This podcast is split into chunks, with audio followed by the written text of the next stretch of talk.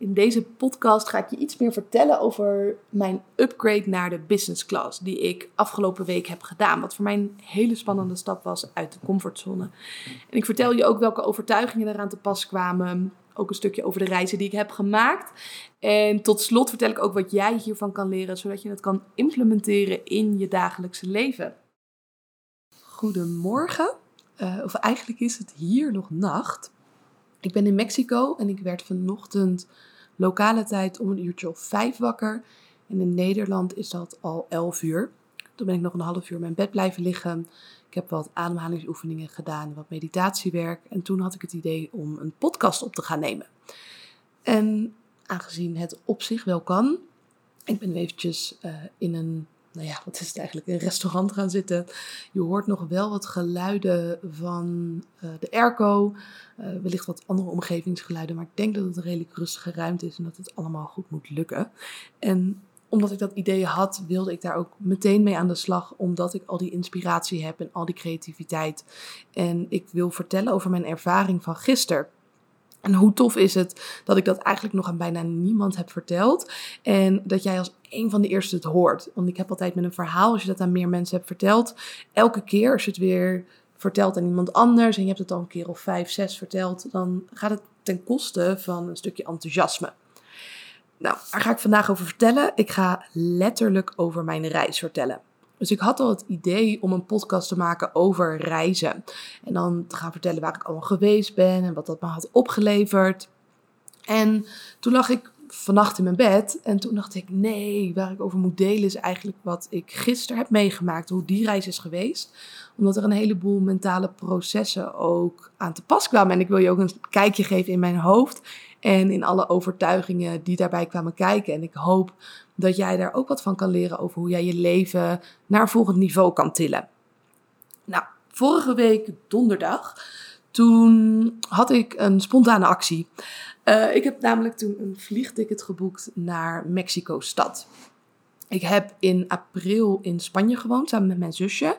Dus we zijn met de auto naar de buurt van Barcelona gegaan.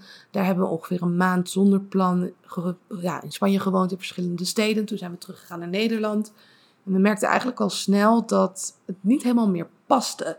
De Nederlandse mentaliteit is heel erg anders. Uh, het ritme gaat wat anders. Het weer is anders. En je kan met mindset een heleboel fixen en trainen. En het kost heel erg veel wilskracht en discipline. En ik merk op reis gaat het zoveel makkelijker als je niet reist, dan is het heel moeilijk om te beschrijven. Maar ik merk dat zelf op het moment dat je al aankomt, dat ik het gevoel heb van als ik nu naar huis zou gaan, dan zou het het allemaal waard geweest zijn. Omdat je al even die indruk hebt gehad. Maar goed, ik heb vorige week donderdag dus een ticket geboekt naar Mexico. Omdat ik een maand in Nederland was en merkte van ik heb eigenlijk wel weer zin om weg te gaan. En ik heb mijn bedrijf ook zo ingericht dat het kan. Omdat dat voor mij zo belangrijk is. Dus toen heb ik het ook gedaan. Dat was voor mij overigens al een stap uit de comfortzone. Want bij mijn andere reizen plande ik dat minimaal een maand van tevoren. Dus ik ben in 2019 naar Thailand geweest en dat ticket heb ik toen drie maanden van tevoren geboekt. En datzelfde jaar ben ik in Bali geweest en dat ticket heb ik volgens mij een maand van tevoren geboekt. 2020, vlak voor de lockdown, uh, ben ik in Singapore geweest. En ook dat had ik denk ik een maand van tevoren geboekt. En Spanje hadden we ook een maand van tevoren bedacht. Maar dat was meer praktisch, want toen had ik nog wat agenda-afspraken in Nederland. Nu had ik bewust al zo min mogelijk vooruit gepland wat betreft de fysieke afspraken. Nou, dus ik heb dat ticket geboekt en de dag daarna ging ik naar mijn zusje toe en vertelde ik dat ik dat had gedaan. En haar eerste reactie was om hetzelfde te doen, om ook een ticket te boeken. Nu ging ik voor drie weken en zij gaat voor zes weken. Maar in principe is het een open ticket. Uh, en dan kan je zelf bepalen wanneer je terug wil. En dan betaal je alleen maar de meerprijs. Um, ja, dus in die zin is het heel erg simpel. Dus als ik eerder naar huis zou willen, dan kan dat. Maar als ik later naar huis zou willen, dan zou dat ook kunnen. Maar voor nu vind ik het ook wel fijn om niet elke keer na te hoeven denken: waar ga ik uh, naartoe? En dat naar huis gaan ook nog eens een optie is. Uh, afgelopen donderdag, het is vandaag zaterdag, uh, ging ik ook al inchecken. Want 24 uur van tevoren kan je dan online inchecken. Je zou het in principe ook op het vliegveld kunnen doen, maar mij geeft het altijd wat meer rust als ik dat dan al heb gedaan, want dan kan je ook zelf je stoel uitkiezen.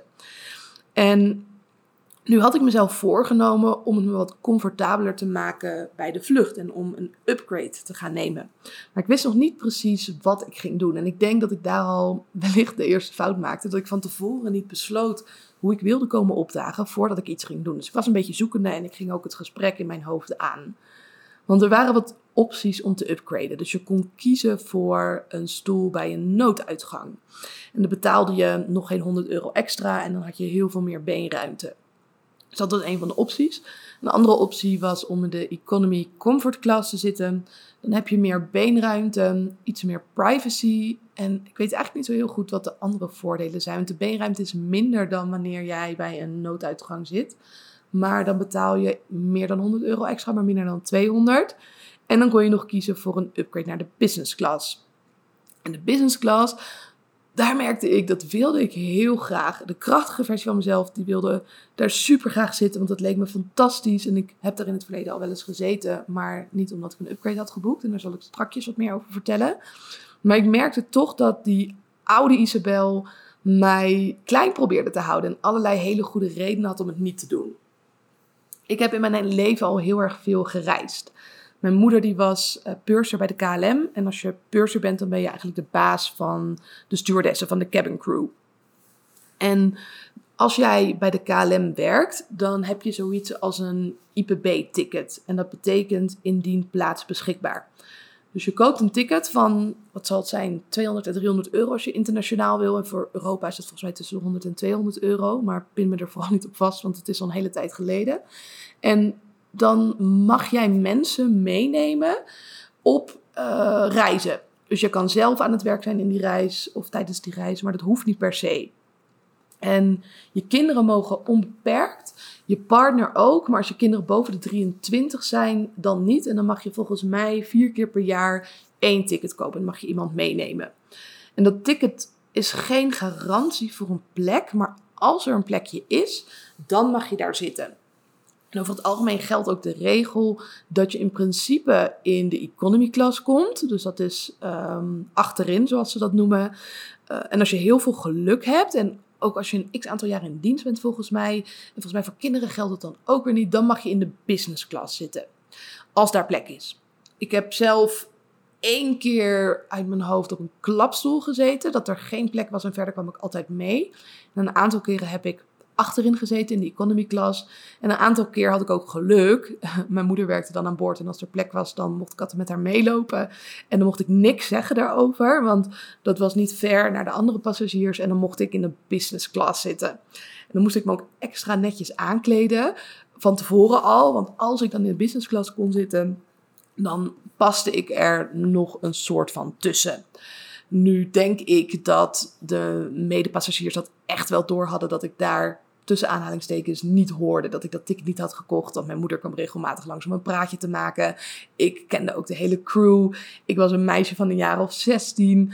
Maar we hielden met z'n allen die schijn in ieder geval op. En een aantal overtuigingen kwamen dus naar boven op het moment dat ik ook dat business class ticket wilde kopen voor mezelf. En een van die overtuigingen was ook van, jij hoort daar niet.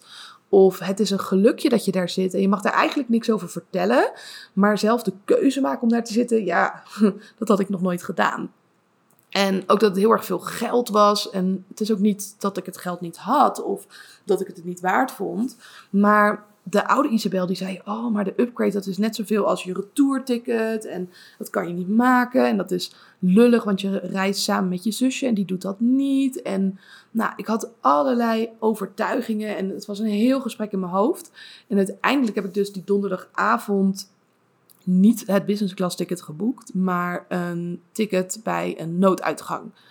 En het voelde niet helemaal lekker het voelde wel aan de ene kant goed dat ik een stap uit de comfortzone had genomen. Want ik had tot die tijd volgens mij nog nooit geld betaald voor een betere stoel. Um, oh jawel, toen ik van Bali naar huis vloog, toen heb ik volgens mij 5 euro extra betaald om aan een gangpad te kunnen zitten en daar zeker van te zijn. Maar goed, dit was wel een andere stap. Maar het was voor mij niet echt een stap uit de comfortzone. Dus ik nam er niet echt genoegen mee. En het voelde ook niet helemaal goed om het op die manier te doen. Um, en de volgende dag besprak ik dit met mijn zusje ik zei, ik heb een betere stoel voor mezelf gekocht. Ik heb dan een nooduitgangsstoel, dat ik wat extra beenruimte heb. Maar ik heb erover nagedacht om een business class stoel te nemen. Maar dat is me niet gelukt. en nou ja, het voelde voor mij ook een beetje als falen. Alsof ik het van mijn reptiele brein had verloren. En ik had ook een soort van strijd in mijn hoofd van wat is nou intuïtie en wat is nou angst? Wanneer is iets een goede reden om het niet te doen? Om bijvoorbeeld geld te besparen of is een stap nog te ver voor je?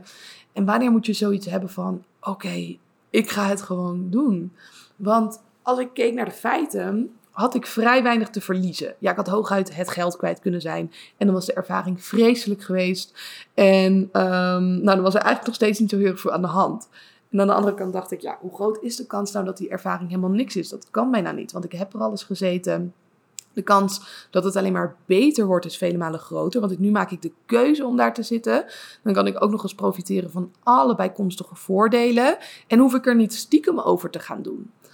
Dus die vrijdagochtend, we zouden om 12 uur naar het vliegveld gaan. Een uurtje of half tien of tien uur keek ik nog even in de computer. dacht ik, nou, als we nog een prima uh, deal hebben, dan ga ik het misschien wel doen. Nou, die deal die was er niet. En uh, het was nog exact dezelfde prijs als de dag ervoor. Ik had allemaal verhalen nog in mijn hoofd dat ik dacht, ja, nou, weet je wat, dan ga ik straks naar Schiphol en dan ga ik dan vragen bij de balie of ze misschien een betere deal hebben.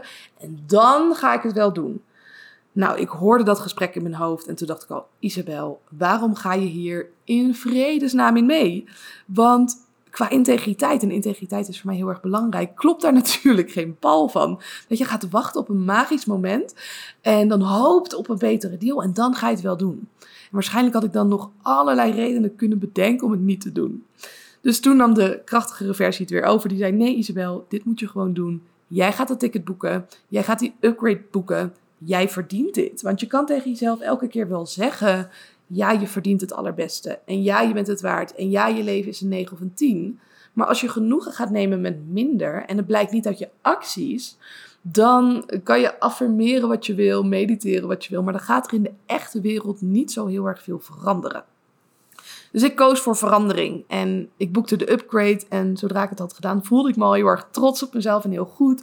Want dit had ik gewoon verdiend. Ik heb hier kei en keihard voor gewerkt. En dit was, ja, het voelde echt als een soort kerst op de taart. En ook omdat ik met KLM ging vliegen. Mijn moeder, die is in 2019 overleden. En die had, zoals ze dat noemen, echt een blauw hart. Die was groot fan van KLM.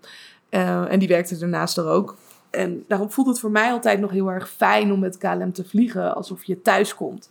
Natuurlijk zitten er ook wel wat herinneringen aan en geeft het ook wel moeilijke momenten. Maar alsnog voelt het heel erg vertrouwd. En we gingen naar Schiphol. Ik had een ticket geboekt en we gingen inchecken. En dan krijg je als je business class vliegt ook een sticker op je bagage dat die als allereerste aankomt. Dus dat is ook een van de voordelen. En een ander voordeel, tenminste, ze noemen het een voordeel, maar is dat je naar de lounge mag. En in de lounge, daar kan je als business class passagier gratis naar binnen. Uh, anders dan moet je volgens mij meer dan 50 euro betalen. En dan kan je eten en drinken en dan kan je daar lekker werken. Dus als jij een overstap hebt en je moet heel lang wachten op Schiphol, is dat heel fijn. Nu had ik nog een half uurtje en ik dacht, het zou leuk zijn als ik daar even een rondje ga lopen, want ik was er nog nooit geweest. En het zou helemaal leuk zijn als mijn zusje daarmee naartoe mocht. Maar helaas uh, mocht mijn zusje niet mee naar binnen. Dus ik besloot om even mijn eentje een rondje te gaan lopen. Ik heb toen een klein beetje salade genomen, maar iedereen was vooral heel erg hard aan het werk en heel erg druk bezig. En ik voelde me niet echt fijn daar.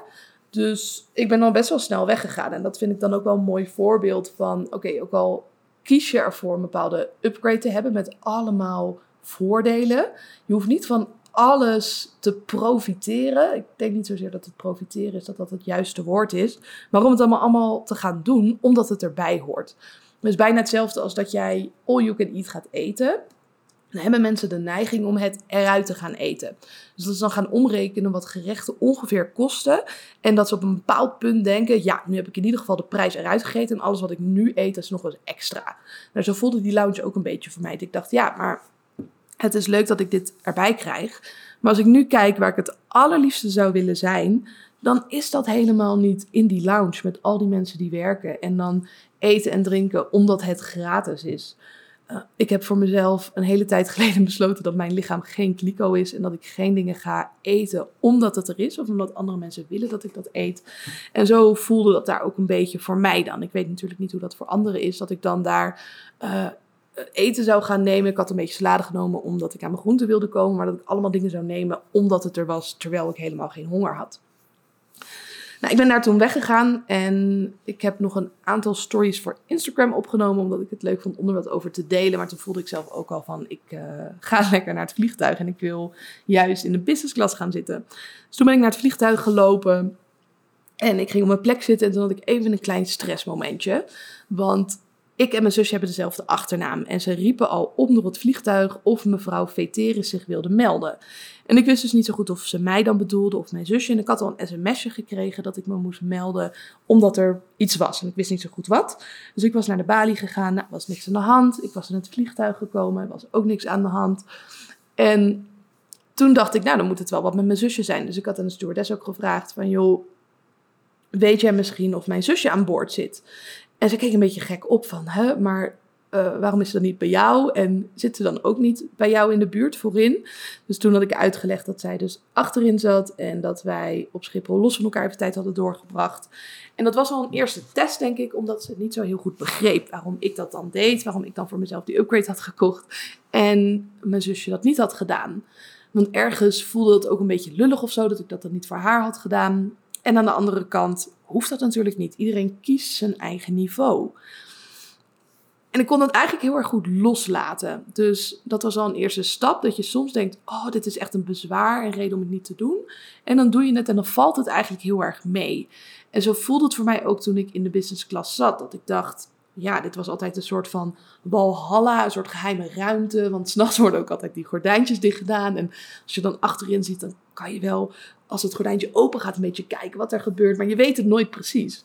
Dus het voelde als een soort van ja, iets geheims of zo wat daar gebeurde. En dan zit je daar en denk je, nou, eigenlijk is het helemaal niet zo spannend. Maar goed, terug op het verhaal van mijn zusje. Die was vergeten haar ticket in te scannen bij het instappen. Dus zij dachten dat zij niet aan boord zat. En omdat mijn zusje ook een andere stoel had gekozen uiteindelijk, die wilde aan een gangpad zitten. Toen uh, raakte ze een beetje in de war, want zij zat niet op haar originele stoel.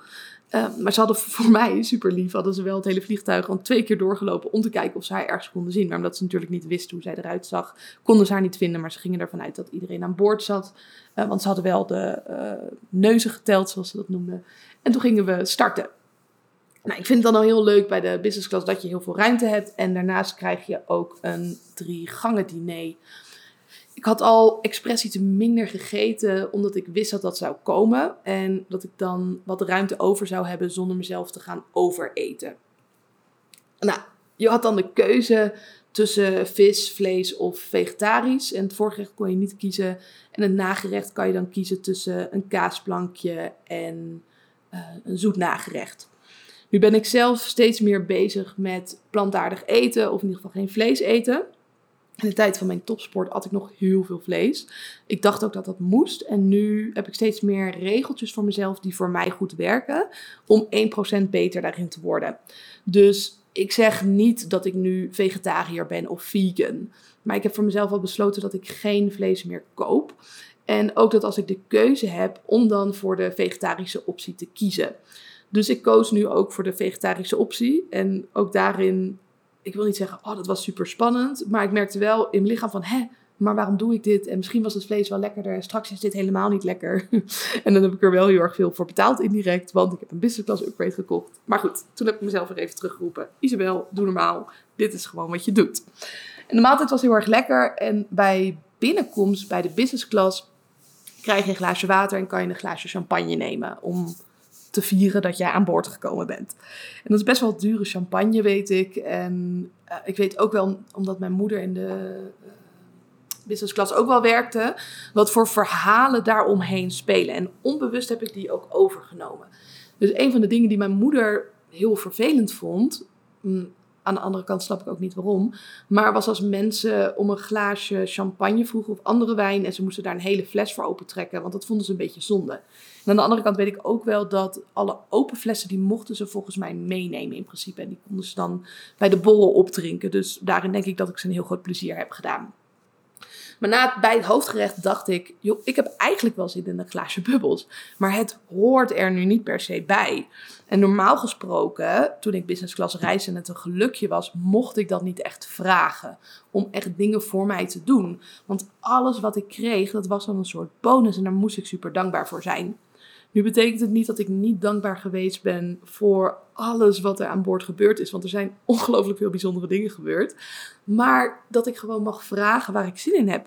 En om hulp mag vragen. En dat ik dat best wel mag doen. Ook al betekent dat dat ze dan een fles voor mij opentrekken. En misschien gaan ze dat dan weggooien. Ik hoop het niet dat ze dat dan meenemen. Maar soms heb ik zo'n groot taboe op eten weggooien. Dat ik dan maar dingen niet doe. Of juist wel neem. Omdat ik dat zo zonde vind. Nou, heel verhaal rondom dat glaasje champagne. Uiteindelijk dronk ik hem. Toen dacht ik, meh, ik had misschien liever een glas witte wijn gewild. Maar dat weet ik dan weer voor de volgende keer. Ik denk ook dat het meer een mentale uitdaging was op dit moment. Nou, tijdens het hoofdgerecht kwam ook de purser een praatje met me maken. En de purser hoeft in principe niet zo heel erg veel te doen van de werkzaamheden van de andere leden van de cabin crew. Maar dat doen ze wel vaak om te helpen en om te bonden. Maar het is niet de taak. Net zoals dat, het is een soort manager. Dus als jij manager bent, dan hoef je ook niet per se taken te doen die jouw collega's ook doen. Maar wil je je beter kunnen verdiepen in het werk, dan is dat soms wel nodig. Dus de purser die was mee aan het helpen in de business class. En ik raakte met hem aan de praat, omdat hij vroeg aan mij van... joh, wat is dan de reden dat jouw zusje achterin zit en jij voorin? Dus ik vertelde dat ik ondernemer was en dat mijn zusje die is net begonnen met ondernemen en die studeert er nog naast. Die heeft overigens haar studie nu even op stop gezet, omdat ze, net zoals ik, fulltime voor het ondernemen gaat. Maar die heeft nog een ander budget voor haarzelf gereserveerd wat betreft geld. Dus het heeft niks te maken met wie er meer of minder heeft. Maar iedereen heeft er andere keuzes in. En dat is helemaal oké. En toen vroeg hij een beetje wat ik deed. Uh, ik was de allerjongste daar en ik vertelde zelf uh, wat ik meestal vertel als mensen vragen wat ik doe. Ik ben voormalig topsporter, ik ben psycholoog en ik help mensen om een sterkere mindset te krijgen. En hij was benieuwd of ik dat dan ook internationaal deed, omdat ik naar Mexico ging. En ik legde hem uit dat ik dus alles online doe en waar ik mee bezig ben. En toen vertelde hij me dat hij een boek aan het lezen was van Wim Hof. En hij vroeg zich af of ik Wim Hof ken. Um, ik zei, nou, ik ken hem niet persoonlijk, maar ik ken hem zeker van naam en uh, veel connecties, ook via via dan met mensen in zijn netwerk en ook zeker bekend met zijn technieken. En ik vertelde dat ik zelf ook ijsbaden neem, koude douches doe, uh, ademhalingsoefeningen doe en dat ik ook zijn dochter toevallig ken, Laura dat vond hij helemaal leuk. En uh, hij, wilde, hij zei, ja, we moeten een foto maken, want hij had het boek dan bij zich. En dan wilde hij samen met mij op de foto om dan uh, aan de dochter van Wim te laten zien van, kijk eens... Uh, nou ja, ik, ik heb het over je leuke indruk. En het daarna nog meer over mindset en gelijk raakvlak. En op een gegeven moment zei hij van, ja, ik ga je even lekker laten eten, want anders wordt het koud. Maar het is wel mooi hoe je dus met gemeenschappelijke interesse een bepaalde connectie kan maken, een bepaalde passie. En ik voel mezelf heel erg een afwijker. Maar op het moment dat je daar 100% voor gaat staan, dat dat eigenlijk wel meevalt. Later kwam er ook een van de stewardessen naar me toe en die vertelde me: Hé, hey, ik heb gehoord van de purser dat jij voormalig topsporter bent in het powerliften. En ik ben bezig met krachttraining en allerlei opleidingen. Dus ik vind het zo gaaf dat op het moment dat je juist zichtbaar bent, er zijn natuurlijk een heleboel mensen die daar niet op aanhaken, die zich niet herkennen in jouw verhaal. En dat is helemaal oké. Maar op het moment dat er iemand is en die hoort een stukje van jouw verhaal en die denkt: hé, hey, dat is leuk, want ik voel me heel erg verbonden met jou, dan komen ze ook naar jou toe om in dit geval een praatje te maken. Maar goed, ik dwaal een klein beetje af. Um, ik zat dus lekker aan boord. Ik heb mijn uh, diner gehad en op een gegeven moment merkte ik: ja, ik zit hier wel. Ik had volgens mij ook al een film gekeken en een boek gelezen, maar ik miste mijn zusje eigenlijk weer een beetje.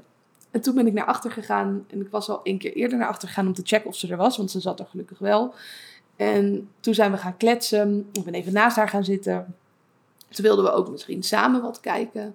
Toen kwam op een gegeven moment de purser naar ons toe. Die zei, kom. En ik ken, ik ken het als ze dat zeggen. Want mijn moeder deed dat ook altijd. Die doen het dan een beetje stiekem, zodat de andere passagiers het niet zien. Dan doen ze een heel subtiel gebaar. Dat je mee moet komen, niks moet zeggen. En dan zetten ze je op een andere plek neer. En in de comfortklasse was nog heel erg veel plek. En daar kregen we een hele rij stoelen om even samen te zitten en te kletsen. Zodat we denk ik deels andere passagiers niet lastig zouden vallen, want een aantal waren aan het slapen. En om ons natuurlijk gewoon een fijne plek te geven. Dus daar waren we aan het kletsen. En toen zei de purser ook tegen mijn zusje: Joh, als je wil, mag jij hier lekker blijven zitten. En ik denk dat het deels vanwege de connectie komt. En die connectie heb ik weer gekregen omdat ik die upgrade heb gekocht. Want anders dan was er wat minder persoonlijke aandacht geweest. Want het is nu eenmaal zo dat ze in de business class iets meer de tijd nemen voor persoonlijke aandacht ten opzichte van de tours class. Nou, mijn zusje vond het helemaal leuk. Die was helemaal blij. We hebben daar lekker gekletst. En toen zei mijn zusje op een gegeven moment ook tegen mij van... Isa, ik vind het zo grappig. Je betaalt dan heel veel extra voor een stoel. Om het jezelf comfortabeler te maken. En toch kies jij ervoor om achterin te zitten en tijd met mij door te brengen. En ik denk dat dat ook juist het leuke is, dat je een keuze hebt en dat je geen dingen blijft doen omdat je ooit die keuze hebt bedacht, maar dat je per moment kan bepalen van waar heb ik nu behoefte aan. En op dat moment had ik heel veel behoefte weer om even samen met mijn zusje te zijn en te knuffelen. En we hebben een poging gedaan tot film kijken, maar volgens mij na vijf minuten stopte het er al mee, want we vonden de film te intens. En toen is zij gaan slapen, ben ik weer naar voren gegaan om daar te gaan slapen. En in de business class, ik vind het ook heel leuk om met die stoel te spelen, uh, kan je hem gewoon ook helemaal plat doen. Dat je echt kan slapen. En toen ik vroeger in de business class reisde, kon dat nog niet. Want toen hadden ze nog de oude stoelen. Maar met de nieuwe stoelen kan je helemaal plat liggen en dat ligt gewoon heerlijk. Nog even terugkomend op een van de overtuigingen dat ik niet netjes genoeg ben voor de business class. Ik ben met mijn moeder samen, ik denk een jaar of vijf geleden, naar Mexico geweest. Toen ging ik IPB en toen was er een piloot en die vond wat van hoe ik eruit zag. En we hadden een andere piloot op de terugweg dan op de heenweg. Dus op de heenweg was helemaal niks aan de hand. Toen mocht ik in de business class zitten en op de terugweg.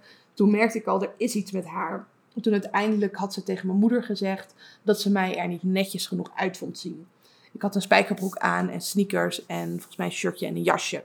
En ze vond eigenlijk dat ik op die manier zelfs niet als IPB'er mee mocht, omdat ik representatief was voor de crew, maar al helemaal niet in de business class mocht zitten. Nou, ik zal daar niet dieper op ingaan, want dat is niet relevant voor deze podcast. Maar ik merkte wel dat dat ergens nog een verhaal was in mijn hoofd van je kan niet in een spijkerbroek in de business class zitten. Of je moet er op een bepaalde manier uitzien. Toen ik het ticket had geboekt, toen had ik ook de neiging om mij te gaan verkleden. Om mij klaar te maken voor de business class. Terwijl dat helemaal niet hoeft natuurlijk. Ik had wel wat kleding meegenomen om me om te kleden voor als het kouder zou worden. En ik vond het ook wel leuk om me wat mooier te maken voor het vliegen. Dus ik had een haarband ingedaan en oorbellen. Maar om dan ineens een andere broek aan te doen vanuit de overtuiging dat ik er netjes uit moet zien. Nou, daar ben ik natuurlijk niet in meegegaan. Dus ik ben in mijn korte spijkerbroekje ingestapt. En toen heb ik me uiteindelijk wel omgekleed in een langere broek. Maar het viel me al snel op dat ik echt niet de enige was die een spijkerbroek droeg. Ik denk ook dat het iets minder van deze tijd is ten opzichte van vroeger. Want vroeger had je zelfs nog de eerste klas en had je ook nog de business class. En dat mensen echt heel netjes gingen reizen. En aan de andere kant denk ik, als jij lekker in je joggingbroek daar wil zitten, dan moet je lekker in je joggingbroek zitten. Maak het jezelf vooral comfortabel. Er zat ook een man die zat eerst op mijn stoel. Die uh, zat eigenlijk twee rijen nog achter mij. En die was aan het bellen toen ik binnenkwam. En die droeg een jasje en daaronder een spijkerbroek en sneakers. En um, ik, ja, ik merkte ook van, nou, het was een zakenman. Hij was uh, bezig met werken. En um, die zag er op zich netjes uit. Ik denk wel netter dan ik. Maar die volgde echt niet een bepaald protocol om daar te mogen zitten. En de stewardess zal echt niet zeggen tegen hem... Yo, je hebt een spijkerbroek aan. Ga maar ergens anders zitten, want dit kan niet.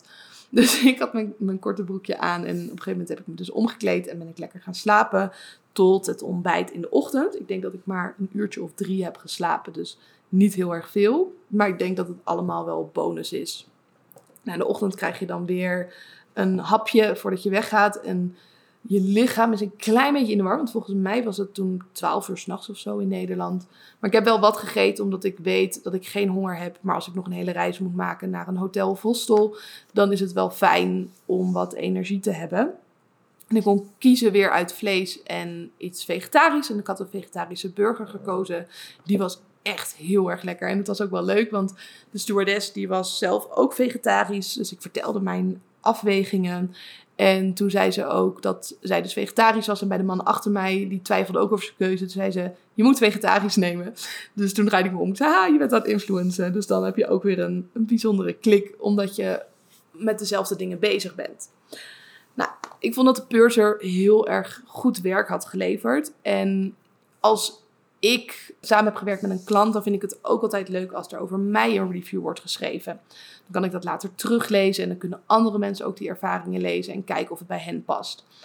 En daarom wilde ik dat zelf ook doen, want ik weet dat dat kan. Als je heel erg tevreden bent over eh, het hele team of over één personeelslid in of één personeelslid specifiek, dan kan je een compliment schrijven. toen vroeg ik aan even stewardess of ik dat kon doen. En toen zei ze, ja, dat kan eigenlijk alleen nog maar online. En het liefst wil ik het zo snel mogelijk doen, want dan zit je nog in het moment. Net zoals dat ik nu deze podcast opneem. Maar gelukkig had ze nog één papiertje en ging ik een compliment schrijven. En heel toevallig kwam toen de purser naar mij toe.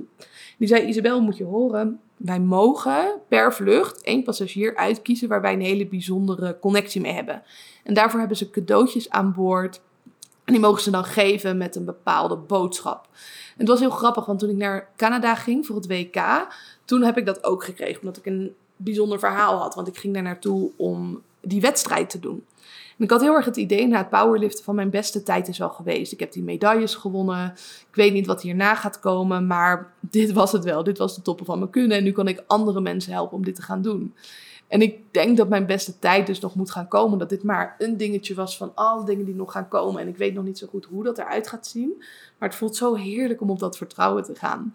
En dit was daar een bewijs van. Want hij vond dat wij een hele bijzondere band hadden. En hij zei ook van ja, hoe jij ook um, met andere passagiers omgaat. Ik had een aantal praatjes met andere passagiers gemaakt. En hoe ik door de ruimte liep, hoe ik kwam opdagen, vond hij heel bijzonder. Dus ik kon kiezen of ik een hangertje wilde met een houten engeltje, was het volgens mij. Of een klavertje 4 met een, een ladybug trouwens, lieve heersbeestje. En die was voor aan je sleutel. Dus ik koos voor het lieve heersbeestje, want ik zei, joh, die ga ik het meeste gebruiken. Want die ga ik dan aan mijn sleutel hangen en die slijt niet zo snel. En dan kan ik hem elke dag kan ik hem zien. Ik heb vorig jaar ook van een van mijn klanten als cadeautje een beertje gekregen. En die was best wel klein, die heb ik ook aan mijn sleutel gedaan. Nou, inmiddels is dat echt een heel zielig dingetje geworden. Maar ik gebruik hem elke dag en ik zie hem elke dag. En ik word elke dag herinnerd aan de dankbaarheid van die klant. En ik had kunnen zeggen, ik laat dat beertje voor wat het is. En die doe ik ergens in een kastje. En dan blijft die zo mooi mogelijk. Maar ik denk dat dat niet de essentie is van, tenminste mijn optiek, waarom we die dingen geven. Dus dat was als afsluiter van de reis. En ik kreeg zelfs nog twee huisjes mee. Dat krijg je ook in de business class. Eén voor mezelf en één voor mijn zusje. En toen gingen we landen op Mexico. Het was een klein beetje een turbulente landing. Uh, dat deed me ook weer herinneren aan een, uh, ik wil niet zeggen trauma, want het klinkt weer zo zwaar, maar dat is het eigenlijk wel. Een trauma wat ik had toen ik de eerste keer naar Mexico ging. Want toen mocht ik in de cockpit zitten, want dat mocht heel vaak als ik met mijn moeder mee was. En toen hadden we twee keer een foutmelding. En dat was in de tijd dat ik zelf ook nog piloot wilde worden. Dus ik vond dat extra interessant. En de melding was wind shear. Dus dan is de wind dusdanig dat de vleugels geen lift kunnen krijgen. Dus we waren twee keer geland, of we hadden een poging gedaan om te landen en dan moesten we weer opstijgen. En ik zat in de cockpit en ik moest mijn mond houden. Ik mocht niks vragen. Ik denk dat de piloten ook lichtelijke stress hadden, maar ik kreeg meteen te zien hoe het was om piloot te zijn. Dat je niet alleen maar het mooie plaatsje krijgt, maar ook de ja, spannende momenten.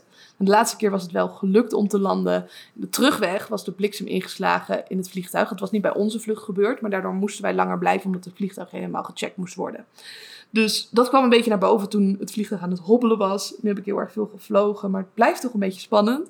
En toen kwamen we op de grond aan en toen voelde ik al, wow, het klinkt bizar, maar met die hele reis die ik heb gemaakt, heb ik al zo'n groei doorgemaakt. Dat het al voelt alsof ik nu op een heel ander punt sta. En daar ben ik dan heel erg excited over. Dat ik nu ook al de lessen eruit heb gehaald. En weet hoe ik de volgende keer wil komen opdagen. Daarom heb ik ook deze podcast opgenomen. Dat ik denk, hier kun jij ook veel van leren. Dat je van tevoren beslist hoe je wil komen opdagen. En waar je wel of niet genoegen meer neemt met minder. Onder het mom van, ja maar het kan toch wel. Ja maar het is toch niet zo erg. Als ik nu bijvoorbeeld ook terugkijk op bepaalde relaties, dan is de reden dat ik meestal weg ben gegaan niet zozeer dat de relatie echt niet meer uit te houden was. Dat ik hem zo ver had gepusht dat ik echt niet meer anders kon. Maar meestal dat ik geen genoegen meer wilde nemen met minder. Dat mijn relatie op zich wel voldoende was. Maar dat ik het vertrouwen had dat het beter kon. Of bijvoorbeeld ook met mijn lichaam. Ik ben nooit extreem zwaar geweest. En toch eet ik super gezond en train ik hard. Omdat ik het vertrouwen heb. Of omdat ik geen genoegen neem met minder. En ook geen crap erin wil stoppen. Om het maar even zo te zeggen. En ook met een heleboel andere dingen merk ik dat ik mijn standaard steeds aan het verhogen ben. En dit gaat daarin mee. En misschien is voor jou al je standaard verhogen op een andere manier met jezelf te investeren, met een kleinere investering of een andere investering. Maar ik gun je wel dat je je leven even onder de loep gaat nemen en juist gaat denken van hé, hey, op welke vlakken neem ik genoegen met minder en is het op zich wel een voldoende, maar zou ik een stapje hoger kunnen door een bepaalde keuze te maken. Dat betekent niet altijd dat je geld moet investeren. Dat kan ook zo zijn dat je dus een andere keuze moet maken die voor andere resultaten gaat zorgen. Dat je bijvoorbeeld kiest om bij je baan te zeggen van hé, hey, ik mis de uitdaging. Ik ga eens kijken naar wat anders, zonder dat je direct ontslag hoeft te nemen en moet solliciteren en die baan aan moet nemen. Maar dat je wel gaat kijken wat de andere mogelijkheden zijn, om dat in ieder geval te gaan onderzoeken. Of te gaan aangeven waar je wel en niet lekker op gaat. Nou, dus heb ik nog een heleboel voorbeelden, maar ik denk dat je vooral met jezelf moet gaan zitten en moet gaan kijken wat voor jou relevant is. Dat jij ook je leven gaat upgraden en je standaard gaat verhogen en er vervolgens voor kiest om niet meer terug te gaan naar het oude. Want uiteindelijk is dat het belangrijkste dat je consequent gaat groeien. Hartstikke bedankt voor het luisteren naar deze podcast. Luister jij deze podcast in juni 2021? Dan kun je gewoon mijn reis volgen via Instagram, waar ik bijna dagelijks iets deel in mijn stories erover. En mocht je deze podcast later luisteren, dan kan je andere inspiratie en informatie opdoen door mij te volgen. Je kan natuurlijk ook mijn boek bestellen. Dan leer jij hoe je met een topsportmentaliteit in actie komt. Het boek heet Stoppen met uitstellen en je kan hem vinden via mijn website www.isabelleveteris.com boek. En ook daar vind je heel veel informatie over andere vormen van samenwerking. Ik wens je een hele fijne dag en tot de volgende podcast.